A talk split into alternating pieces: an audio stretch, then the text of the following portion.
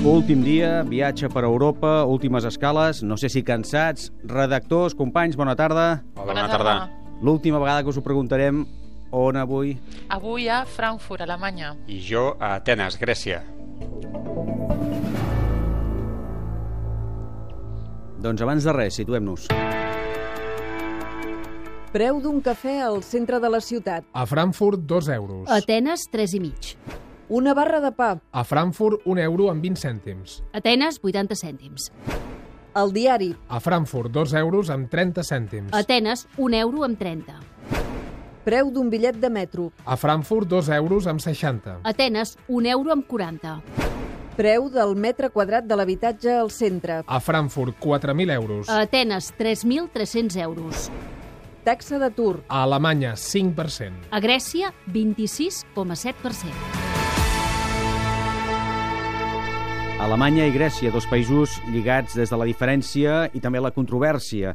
Dos països en els dos extrems, però que es toquen o s'han arribat a tocar. Frankfurt d'entrada, que simbolitza l'Alemanya forta.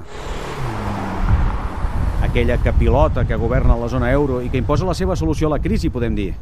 Doncs sí, la veritat és que Frankfurt, una ciutat de negocis i de bancs, és el símbol de l'Alemanya que tenim avui en ment. L'Alemanya que lidera la zona euro i des d'on s'han dictat aquestes restrictives polítiques d'austeritat i de reformes als països del sud. L'escultura enorme, amb un símbol de l'euro, enmig de la plaça Willy Brandt, la seu del Banc Central Europeu, és la foto d'aquesta Alemanya. Al costat, esclar, d'Angela Merkel. Aquestes són unes eleccions on la fractura nord-sud és molt present, amb aquesta imatge sempre d'Alemanya al cap, i on partits euroscèptics com el Nou Alternativa per Alemanya l'estan explotant i on la televisió ho explica contínuament. Portugal, Griechenland, Spanien... Den ersten Krisenstaaten geht es besser. Gerade hat Portugals Premier Coelho verkündet, wie zuvor schon Irland und Spanien. Aquesta Alemanya d'avui, líder en solitari de la zona euro, forta, té el suport de la majoria d'alemanys. Es copsa al carrer, ho diuen els resultats electorals i ho diuen les enquestes que pronostiquen aquest 25 de maig la victòria de la CDU de Merkel. Doncs a l'altre extrem, a Grècia. Cosmos, Grècia, objectiu d'aquestes polítiques d'austeritat, els efectes del doble rescat s'estan agreujant. Això que sentim és una, una clínica social. Eh, què vol dir això? Solidària? Exacte, n'hi ha desenes per tot el país. Van començar a aparèixer fa un any i mig perquè es van multiplicar els casos de grecs que es quedaven sense cobertura sanitària. Aquí, si fa un any que estàs a l'atur, et quedes sense accés gratuït a qualsevol metge. És el cas de la Donis, que li ha passat això. L'està a punt d'atendre la Manuela, una dentista voluntària. Per la falta de diners. No tenim diners. Estic a l'atur des de fa uns dos anys. La gente que viene aquí no es eh, gente marginalizada. Eh, hay gente normal que antes podía pagar, pero no, ahora no. Ja, eh, però arriben a tot arreu, tenen tot el material, poden operar, poden fer de tot. Clar, és el que li preguntava a Constantin Kokosis, el responsable d'aquesta clínica social. En aquest pis on estan situats al barri d'Omònia i fan intervencions, però petites, i si poden eh, alguna prova mèdica, però estan limitadíssims. Ell parla de drama nacional i posa un exemple. Non vaccinating no vacunar els nens és tràgicament perillós, altament arriscat. Per tant, el govern ara ha començat a repensar-s'ho. La polio està tornant. Això és com una bomba de rellotgeria sanitària.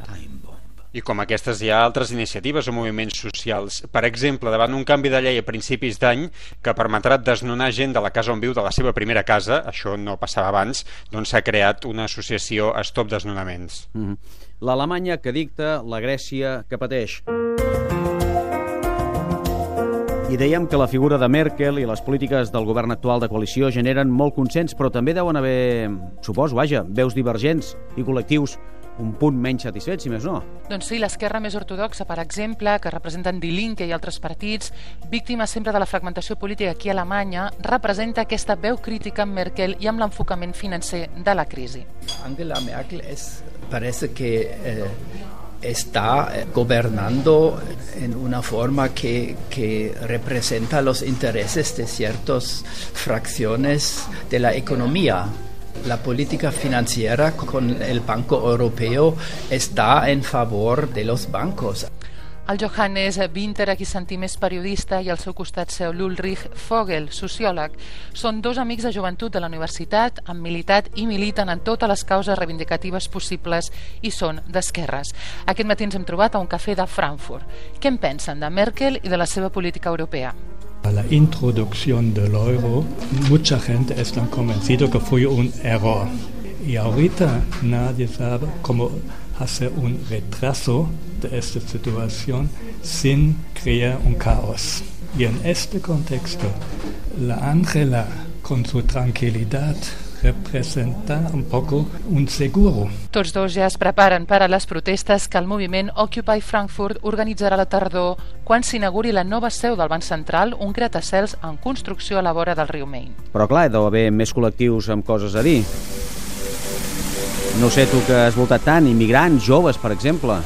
Doncs sí, el, el Zeil, eh, ara sentim el soroll de fons d'aquest carrer, el carrer comercial de Frankfurt, sí. és l'exemple perfecte de com Alemanya és des dels anys 50 un imant per a gent de tot el món. Turcs, és clar, però també africans, asiàtics, europeus del sud. Malgrat això, a Alemanya no hi ha partits xenòfos importants, sí neonazis, però amb molt poc suport polític, i malgrat això els, els immigrants també tenen queixes per exemple l'Andrew que va arribar fa 34 anys d'Eritrea creu que Alemanya ja no és el que era perquè amb la crisi ell s'ha quedat sense feina o l'Ahmed, que se'n torna a l'Afganistan de, després de 20 anys aquí. Yes, I'm from Afghanistan. Sí, sóc de l'Afganistan i no em sento alemany. Aquí no els agraden els estrangers. Encara que tingui la nacionalitat alemanya, surto d'un lloc i em criden merda als estrangers. Per què em serveix aquest passaport? I si parlem de veus, com deies, amb coses a dir, els joves, que són els principals víctimes dels famosos minijobs que en 10 anys han crescut aquí a Alemanya un 40%. Una volta, aquest matí, per la Universitat Goethe, ens confirma que els joves es queixen de la precarietat i també que demanen que Europa sigui més democràtica. I a Grècia, els grecs tenen realment ànims per anar a votar a les europees? Alexis Tsipras! I posats a preguntar quin missatge es preveu que llancin cap a Europa, aquells que sí que ho facin. Eh, doncs que guanyarà Síriz, el partit d'aquest home que sentim, Alexis Tsipras, un clar producte de la crisi i que ara està eclosionant amb la seva crítica a la Troika i a l'actitud d'Europa en general. Es veu com una persona jove, com un partit fresc i sobretot amb les mans netes. Però amb la gent anirà a votar? Segurament sí, força, però cal tenir en compte també que votaran un altre partit, el partit neonazi, en aquest cas Alba Daurada, que també aguantarà com a tercera força parlamentària, eh, com a tercera força del país.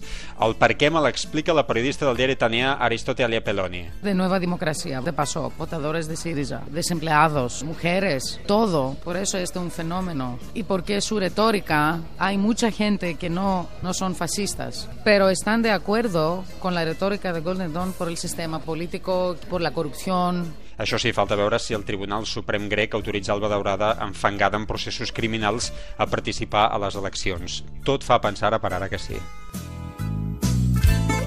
Molt bé, doncs no sé si al principi us ho podíeu imaginar que això arribaria, però ha arribat, heu fet el cim, vaja, heu acabat el viatge, però la pregunta és la mateixa.